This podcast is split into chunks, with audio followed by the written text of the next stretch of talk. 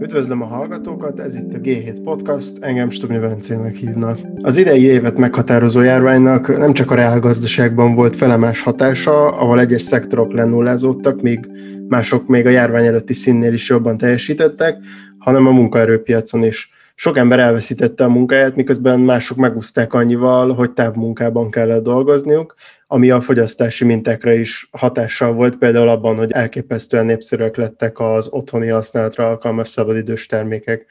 De emellett arról is sokat lehetett olvasni az idén, hogy sok új kisbefektető is azért jelent meg a tőkepiacokon, mert a karanténban tőzsdézéssel ütötte el az időt. Ezek a trendek az idei év tőkepiaci mozgásaiban is leképeződtek, azonban a járvány legérdekesebb része ilyen szempontból talán még előttünk van, ugyanis a mostanában induló tömeges oltások a részvényár folyamokat is nagyon komolyan mozgatják, ezért sok olcsón vett részvényről majd most fog kiderülni, hogy mennyire jól találták el a ciklus alját, akik erre fogadva vásároltak ezekből. Mindenek ráadásul van egy csomó feltörekvő piaci vonatkozása is, amiről a mai adásban Boyer Leventével, az OTP alapkezelő befektetési igazgatójával, portfólió menedzserével fogunk beszélgetni. Szia Levente, köszöntelek a G7 podcastban. Szia, üdvözlöm a hallgatókat is. Az elmúlt pár hét legfontosabb híre volt, hogy az Egyesült Királyságban és az USA-ban már elkezdték beoltani a lakosságot, de szerintem az egyelőre mindenkinek elég zavaros, hogy milyen tempóban lesz a világ beoltva arról lehetett talán még olvasni, hogy a fejlett országok lestoppolták a legelső vakcinákat, viszont mivel még most is új fajtákat engedélyeznek, valójában az sem biztos, hogy átlátjuk azt, hogy a cégek milyen kapacitásokat tudnak legyártani és milyen tempóban, illetve hogy a kész vakcinák befogadására és a logisztikára mennyire állnak készen az országok. Olyan portfólió menedzserként, aki ráadásul feltörekvő részvénypiacokkal foglalkozik, neked az elmúlt hónapokban biztos, hogy kellett erről tájékozódnod, szóval az előrejelzések alapján, amiket eddig erről te olvastál, mikor várhatjuk, hogy a világ be lesz oltva, és a te döntéseidre ez milyen hatással van, tehát mire figyelsz, mikorra várható a feltörekvő piacok lakosságának a beoltása? Hát igen, jelenleg azt mondhatni, hogy ez a millió dolláros kérdés, hogy, hogy mennyire lesznek sikeresek a vakcinák, illetve hogy, hogy milyen lesz a beoltásoknak az üteme. De azt lehet látni, hogyha így összerakjuk a, a, a nagyobb cégeknek a kapacitását, meg, a, meg az előrejelzéseit, hogy, hogy egyébként valószínűleg a jövő évben már, már mintegy 8 milliárd dózist le fognak gyártani. Tehát ez, ezek, a, ezek a várakozások. Ugye ennek egy eloszlása az, az érdekes, hogy, hogy milyen ütemben sikerül ezt megcsinálni, és, és ezzel kapcsolatosan jelenleg az a konszenzus, hogy, hogy várhatóan a fejlett piaci országok ugye hamarabb fognak vakcinához jutni, ott már gyakorlatilag a második negyed évre már el lehet érni egy, egy ilyen 60% körüli átoltottságot, ami a mostani modellek alapján, ugye, hogyha van egy ilyen egyszerű hüvelykúj szabály, ugye most mindenki vakcinatudóság kellett valamennyire átképezze magát, annyira hatása van a mindennapi életünkre, de hogy azt lehet mondani, hogy van ez, a, ez az R0 hányados, ami ugye a vírusnak a, terjedő képességét mutatja, hogyha az egy fölött van, akkor, akkor folyamatosan terjed, ha egy alatt, akkor visszaszorulóban van, és van egy ilyen képlet, hogy 1 mínusz 1 per R0, és ez adja meg, hogy, hogy hány százaléka kell átoltott legyen, vagy, vagy már át kellett, hogy, hogy essen a, a, a víruson korábban.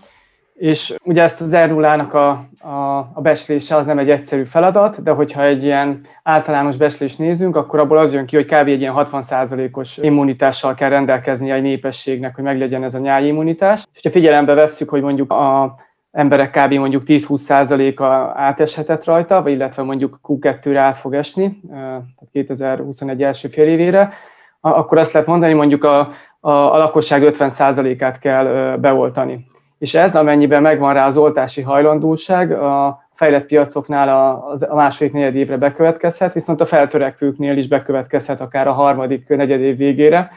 hiszen már csak abból is kiindulva, hogy a, hogy a fejletteknél a, a jövő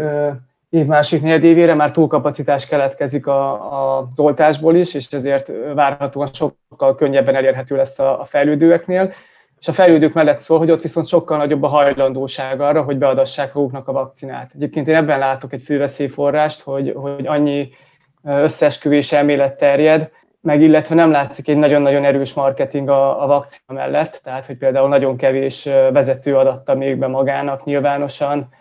tehát Magyarországon se túl jó a helyzet sajnos ilyen szempontból, hogy, hogy nagyon nagy esély van rá, hogy az emberek félni fognak, és hogy elérhetővé válik a vakcina, és akkor se fogják beadatni maguknak. De tőkepiaci szempontból, hogyha leegyszerűsítjük a dolgot, akkor azt lehet mondani, hogy, a, hogy, hogy gyakorlatilag várhatóan a következő évnek a második fele az már egy viszonylag normális év lehet. Hiszen a gazdasági szempontból az a fontos, hogy, hogy ismét kinyílhassanak a gazdaságok, az emberek fogyasszanak, visszaálljon a termelés, és azok a munkahelyek, amiket említettél, hogy, hogy sokan elvesztették, akkor valószínű, ha nem is pont ugyanolyan formában, de valamilyen módon újra termelődhetnek, beindulhatnak azok a szektorok, amelyek most a, a vesztesei voltak idén ennek a egész pandémiának és 2022-re várják, hogy az viszont már egy, egy egészen normális év lehet, amikorra megtanulhatunk együtt élni a járványjal. A feltörekvő piacokon belül térjünk ki Oroszországra, mert szerintem az itt különösen érdekes, hogy saját vakcinát fejlesztettek. Az előrejelzések alapján látszik az, hogy az orosz lakosság erről lesz beoltva, mint más feltörekvő piacoknak a lakossága, és ennek tőkepiaci szempontból milyen hatása van? A lehetőségük az meg lesz rá, viszont talán olyan szempontból eléggé elrontották a, a folyamatot, hogy, hogy nagyon fontos volt nekik, hogy mindenképpen megnyerjék ezt a vakcina versenyt, és ezért nem ö, folytatták le rendesen a, a tesztelésnek a harmadik fázisát, az gyakorlatilag most zajlik, ez a, ez a tömeges ö, ö, oltás, és ezeknek a, az esetleges mellékhatásoknak a, a feltérképezése. És éppen ezért hiába van készen a vakcinájuk, és hiába indultak el az oltások, az látható, hogy nagyon nagyfokú a bizalmatlanság a, a lakosság részéről. Múlt héten volt Putyinnak a szokásos évértékelő beszéde, és hogy ő sem erősítette meg a, hangulatot azzal, hogy, hogy azt mondja, hogy ő még nem adatja be magának, mert még nem tesztelték le idősekre. Tehát, hogy ez egy óriási marketing baki volt szerintem. Egyébként a munkám kapcsán napi kapcsolatban vagyok orosz brókerekkel, cégvezetőkkel, és kíváncsiságképpen mindig felteszem neki, neki kérdést, hogy ők beoltatnák-e magukat, és hogy látszik a, az arcokon a döbbenet, hogy nem, hát ugye fel sem merül bennük. Tehát, hogy annyira magas fokú a, a bizalmatlanság, miközben egyébként azokat a szakértőket, akiket én így hallottam nyilatkozni, amúgy nem nincsenek feltétlenül rossz véleménnyel az orosz vakcináról, csak mindenki azt emeli ki, hogy még, még nincs eléggé letesztelve. Viszont ezen a fronton lehet, hogy, hogy tudnak egy, egyet javítani az oroszok, hiszen szó van arról, hogy, hogy megegyeznek az AstraZeneca-val, és a, a Sputnikot és az AstraZeneca-nak a vakcináját esetleg ötvözni fogják. Ez, ez nyilvánvalóan javíthatja majd a, a, a megítélést. Úgyhogy, úgyhogy nehéz ilyen szempontból mit mondani az oroszoknak az oltottságának a, a gyorsaságáról. Térjünk inkább rá egy olyan aspektusra, amiről viszont többet tudunk talán mondani. Nemrég a Bloombergen olvastam egy érdekes cikket az orosz gazdaságról, amiből az derült ki, hogy Oroszország elég külön utasnak számított abban, hogy itt nem volt olyan jelentős költségvetési kiköltekezés, ami egyébként szinte az összes jelentősebb gazdaságban jellemző volt, és Putyint ezért egész konkrétan a volt minisztere kritizálta, és a cikkből az is kiderült, hogy ő benne egyébként eléggé megbízik. Milyen volt az orosz válságkezelés, és igaza van-e ennek a volt pénzügyminiszternek abban, hogy a kiköltekezés elmaradása miatt évekig gyenge lesz az orosz gazdaság teljesítménye? Valószínűleg Kudrinra gondolhatsz, aki aki most ugyebár most csak tanácsadó pozícióban van, ami ugye mindig egy, egy picit egyszerűbb, mint, mint hogyha konkrétan neked kell meghozni a, a, a döntéseket. Ugye az orosz különutasságot igazából ott lehetne kezdeni, hogy nem sikerült az orosz gazdaságnak soha a Szovjetunió szétesése után sem rendesen beintegrálódni a, a, a nyugati piacokhoz és hogy ez a, ez a lassú integrálódási folyamat viszont 2014-ben egy óriási törést kapott, amikor ugye volt a Krimfélszigetnek a lerohanása, és az ezt követő teljes nemzetközi elszigetelődés. És erre ugye az oroszok egy,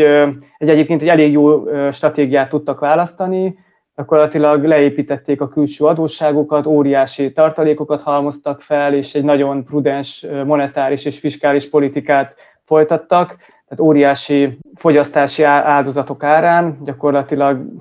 függetlenné tudták magukat tenni a, a külső finanszírozástól. Most jelenleg nem azért finanszírozza bárki is az orosz gazdaságot, mert hogy óriási a, a hit benne, hogy geopolitikailag ez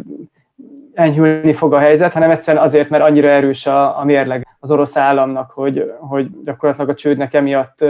nincsen esélye. Viszont ennek megvan az a hátulütője, hogy hogy hiába van például egy nyugat-európai ország, akár a GDP több mint 100%-áig eladósodva, gyakorlatilag 0%-os kamaton kap finanszírozást, míg, míg az orosz állam ezt nem tudná megtenni. Tehát abban a pillanatban, ahogy megnőne az adóssága, rögtön felvennének a hitelkamatok, ezért számukra ez egy nem egy, egy járható út. És emiatt ugyan lehet arról vitatkozni, hogy, hogy, hogy csinálhatnának enyhébb fiskális politikát, meg enyhébb monetáris politikát, tehát nekik mindig ilyen szempontból konzervatívabbnak kell lenni, mert soha nem lehet tudni, hogy, a, hogy az olajárral mi lesz, mikor apad el a külső finanszírozás, és hogyha már megnőtt az adósságállomány, akkor gyorsan átárazódhat, és, és akkor ismét bajban találhatja magát a, az orosz vezetés, és le kell le mondaniuk erről a külön utas politikáról, amit pedig, pedig szemmel láthatóan ne, nem szeretnének. De egyébként az látható, hogy idén a, a, a GDP visszaesés például az orosz gazdaságnak egyáltalán nem magas. Tehát azt hiszem a legutolsó beslés esések ilyen mínusz 3, mínusz 3,5 százalék körül váltakoznak, ami a, a nyugat-európai gazdasághoz, meg az amerikai gazdasághoz képest meg, meglehetősen jó. Tehát gyakorlatilag a Kína, meg talán még Törökországban, ahol, ahol még csak minimális lesz a visszaesés mértéke idén, az orosz gazdaság sem mondható róla, hogy nagyon nagy visszaesés lenne várható, és egyébként pont évelején indultak volna el egyfajta strukturális formok, ami abba az irányba hat, hogy egy picit a demográfiai negatív folyamatokat próbálják ott is orvosolni, a családoknak akartak támogatást nyújtani, a fogyasztást próbálták egy, egy kicsit ösztönözni, de hogy a, a pandémia ezt is nyilván keresztül húzta a számítást. Úgy értelmezem, hogy te azért nem ítélted meg annyira negatívnak ezeket a, az orosz gazdasági folyamatokat, mint amilyen képet talán ez a Bloomberg cikk festett, amit én olvastam. Szerintem egyébként az orosz gazdasági folyamatok egyáltalán nem negatívak, tehát tőkepiaci szempontból. Tehát én most szigorúan azt, azt vizsgálom, tehát ugye nekem az a dolgom, hogy olyan befektetéseket találjak, amivel a befektetőinknek hozamot tudok teremteni, és ilyen szempontból az orosz piac rendkívül érdekes, hiszen az elmúlt 5-6 évben gyakorlatilag az összes vállalat részben önszántukból, részben kényszerből megerősítette a mérlegét, leépítették az adósságukat, és elkezdtek osztalékot fizetni. Tehát ez befektetői szempontból rendkívül jó, mert egy, egy stabilitást ad a, az adott cégnek, és egyébként az orosz gazdaságban mennek végbe meglehetősen pozitív folyamatok, tehát például IT szempontból szerintem a nyugat-európai országokkal simán felveszi a versenyt, tehát a jó minőségű internet van, ugye a nagyvárosokról beszélünk, a, a, a lakosság ő eléggé szereti az új technológiát, a Mail.ru és a, a Yandex két olyan orosz internetes cég, ami, ami az amerikai versenytársakkal vetekszik, például a Jantexnek az önvezető autója, az, az gyakorlatilag egy szinten beszélnek a, a Teslának a, a, ezzel a részlegével. Például a legnagyobb orosz állami bank, az Berbank, gyakorlatilag egy IT cégé definiálja magát az, a, az elmúlt években. Tehát érdemes megnézni, hogyha valakinek van ehhez kedve, meg affinitása a befektetői napját a, a Sberbanknak, ahol gyakorlatilag el, el is hagyták a nevükből a bankot, annyira próbálnak ebbe az IT vonalba elindulni. De egyébként ez a többi orosz cégen is megfigyelhető ez a, ez a folyamat. Például az elmúlt hetekben volt egy, gyakorlatilag az orosz Amazont bevezették a azdakra, és hatalmas értékeltség mellett, tehát a, az amerikai IT cégeknek a értékeltségével vetekszik. Szóval egyáltalán nem ez, a, ez az elmaradott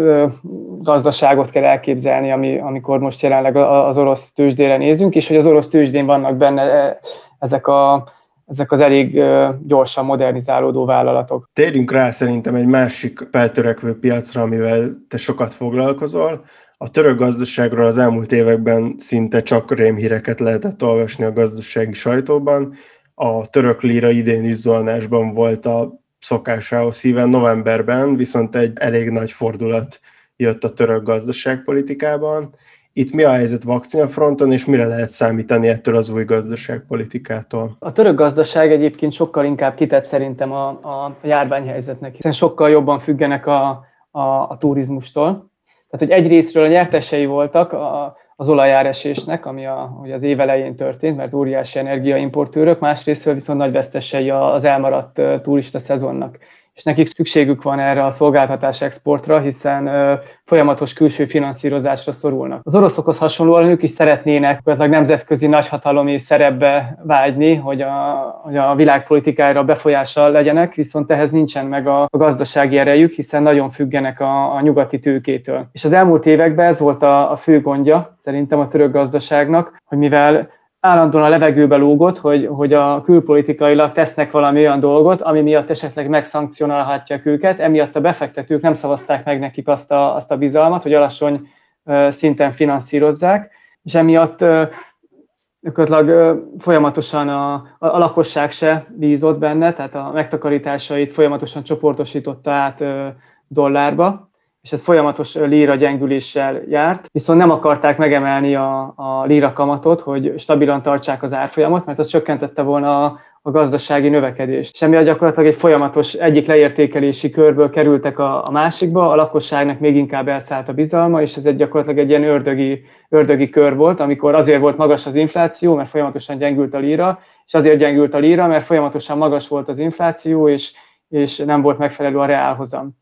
Viszont ugyanakkor a, a folyamatosan gyengülő líra miatt egyre versenyképesebb lesz a, a török gazdaság, illetve egyre olcsóbbak lesznek külföldi szemmel a, a török részvények. Így azt mondhatni, hogy ha sikerülne eltalálni azt a gazdaságpolitikai fordulatnak azt a pontját, amikor megállhatna ez a, ez a líra gyengülés, akkor a, a török piacon egy nagyon jó befektetési lehetőség adódna. Ugye a külföldi befektetők gyakorlatilag már elmentek a török piacról. Megnézzük, hogy, hogy mi a tulajdonosi szerkezete mondjuk a, a török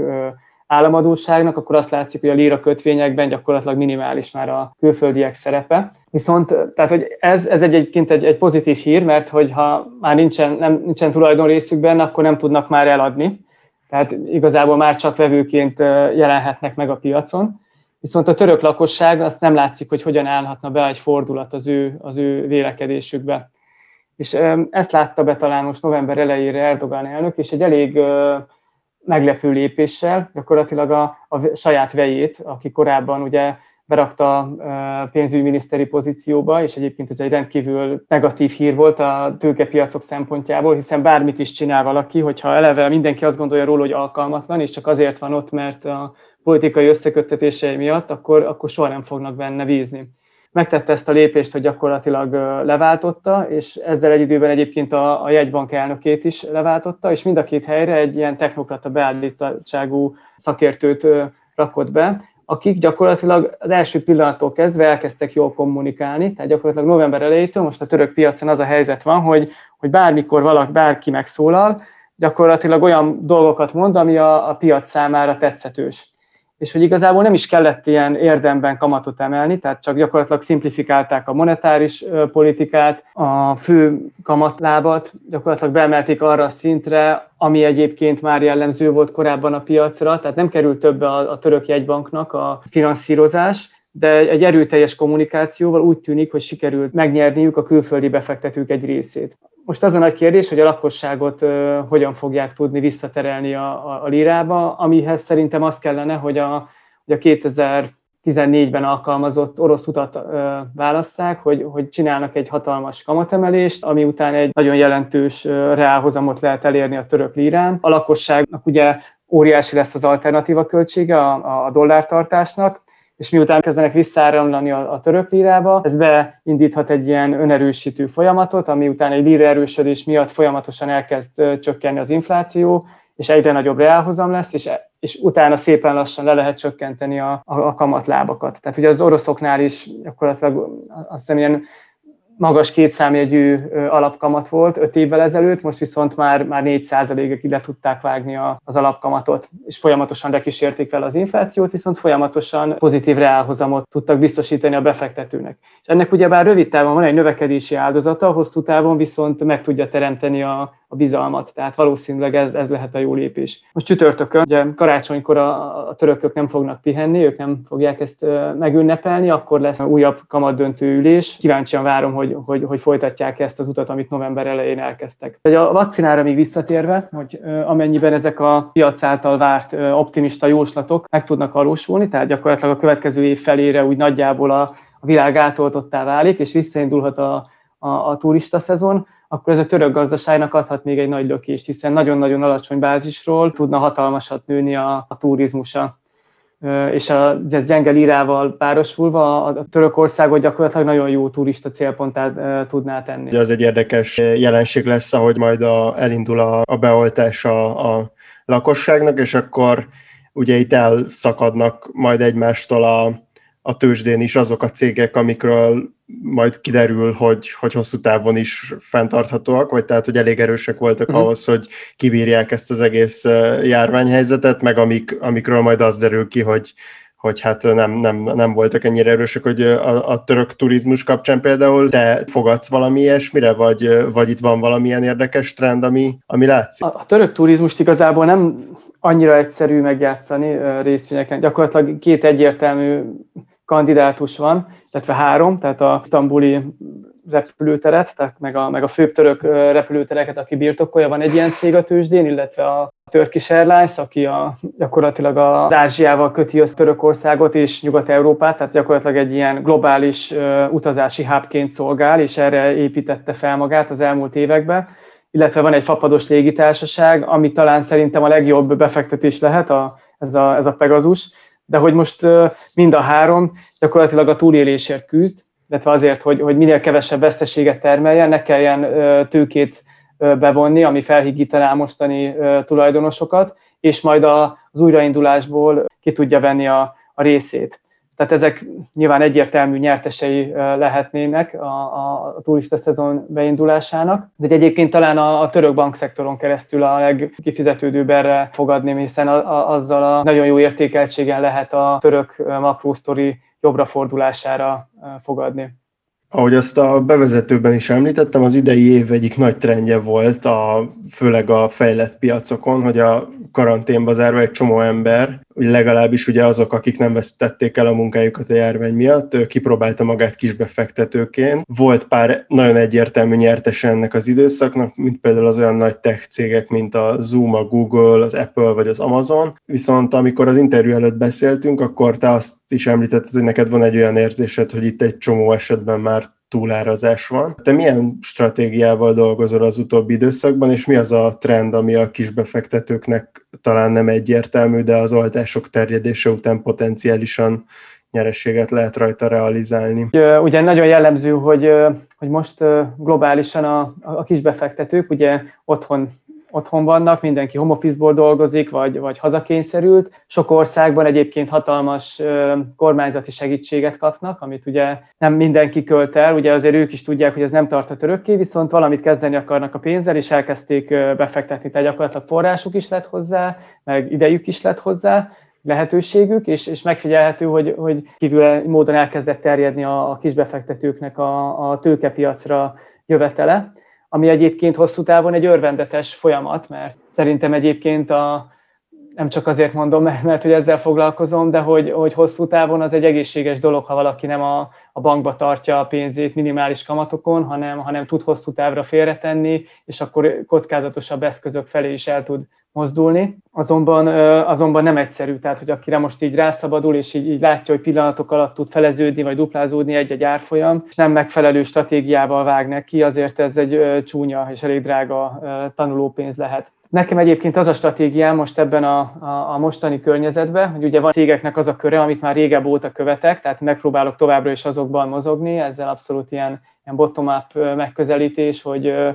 hogy, hogy, hogy, hogy ismerem a céget, tudom, hogy hogyan hatnak rá egyes folyamatok, és amikor nem úgy változik az árfolyam valami miatt, akkor azt megpróbálom kihasználni. Viszont ez a folyamatosan ugye egy csapatban dolgozom, és a csapatunk folyamatosan próbálja bővíteni ennek az univerzumnak a körét, amit, amivel foglalkozunk, és nyilván itt a vírushelyzet idején nagyon adja magát, hogy, hogy azok között a cégek között érdemes szétnézni, amelyek egyrészt nyertesei lehetnek ennek a, a pandémiának, ezért hatalmas eredmény növekedés előtt tárnak, de még nem szállt el az árfolyamuk, vagy pedig hogy normalizálódhat a helyzet, ha mondjuk azt gondoljuk, hogy 2022-től már nagyjából egy, egy normális régi kerékvágásba mehetnek a dolgok, viszont mondjuk akár 50%-kal beöntötték az árfolyamát. Ez alapján, ami, ami, amilyen területeket úgy, úgy azonosítottunk, hogy, hogy egyrészt a, a, az iparvállalatok, amelyek mondjuk globális viszonylatba termelnek, és nem láthatni, hogy egyébként ugye a, a járvány második hullámának már az a, az egyik nagy különbség az elsőhöz képest, hogy most már nem állt le sehol a termelés. Tehát ugye bezárták a boltokat, kiárási tilalom, ugye az még szigorúbb, mint, a, mint az első körben, viszont, a, viszont nem zárnak be gyárakat, ipari, ipari komplexumokat, és ilyen szempontból a nyugat-európai iparvállalatok érdekes befektetési lehetőséget kínáltak, illetve még szerintem egy érdekes szektor az európai autógyártók, amelyek az elmúlt években ugye a dízelbotrány, meg a folyamatos szigorúdó szabályozási követelmények miatt már eleve egy olcsó szinten forogtak, és most egy, egy elég gyenge első és második negyedévet produkáltak, és emiatt hatalmasat veszítettek az értékükből. Ugyanakkor, ugyanakkor nem veszteségesek, és, és várhatóan gyorsan talpra tudnak állni. Úgyhogy ez szerintem egy érdekes terület ezt követni. Akkor akkor szintén érdekes terület lehet a tőzsdére vezetett ingatlan cégeknek a, a részvényei, ahol, ahol szintén hatalmas visszaesés volt látható, de szerintünk akár restruktúrálni tudják a, a bankokkal a, a hiteleiket, és amikor majd visszaáll az élet egy normálisabb kerékvágásba, akkor, akkor mondjuk a korábbi nettó eszközértéküknek nem a harmadán, hanem mondjuk a kétharmadán foroghatnak, ami mondjuk egy duplázódás jelent, tehát egy óriási upside van abban, az esetben, amennyiben egy optimista forgatókönyv válna be. És, és még egy érdekes lehet, ez a, ehhez eléggé kell ismerni az adott céget, amiben, amiben van valami rejtett opcionalitás, hogy például a, a, a cég át tudja állítani a működését online-ra, a, jobban ki tudja használni ezt a, ezt a felfutást, és gyakorlatilag ezzel egy, a, a, a cégnek egy részét a befektetők ezután, hogyha ezt nyilván ezt tudja jól kommunikálni, esetleg kiszervezni a, az online ágazatát egy külön cégre és bevezetni a tőzsdére, akkor esetleg megkaphatja ezt a, ezt a magas szorzószámos értékelést, ami, ami most fut jelenleg a piacon. Erre a jó példa lehet az orosz piacon az élelmiszer diszkontok, akik gyakorlatilag, ugye már említettem, hogy volt egy Ozon nevű orosz cég, az orosz Amazon, akit, akit bevezettek a nasdaq ilyen nagyon magas értékeltséggel, és ugyanígy például Lengyelországban az Allegro-t vezették be, és ezek nem, nem túl nyerességes cégek, de hogy hatalmas növekedés lát belőlük a piac. És de Oroszországban a legnagyobb ilyen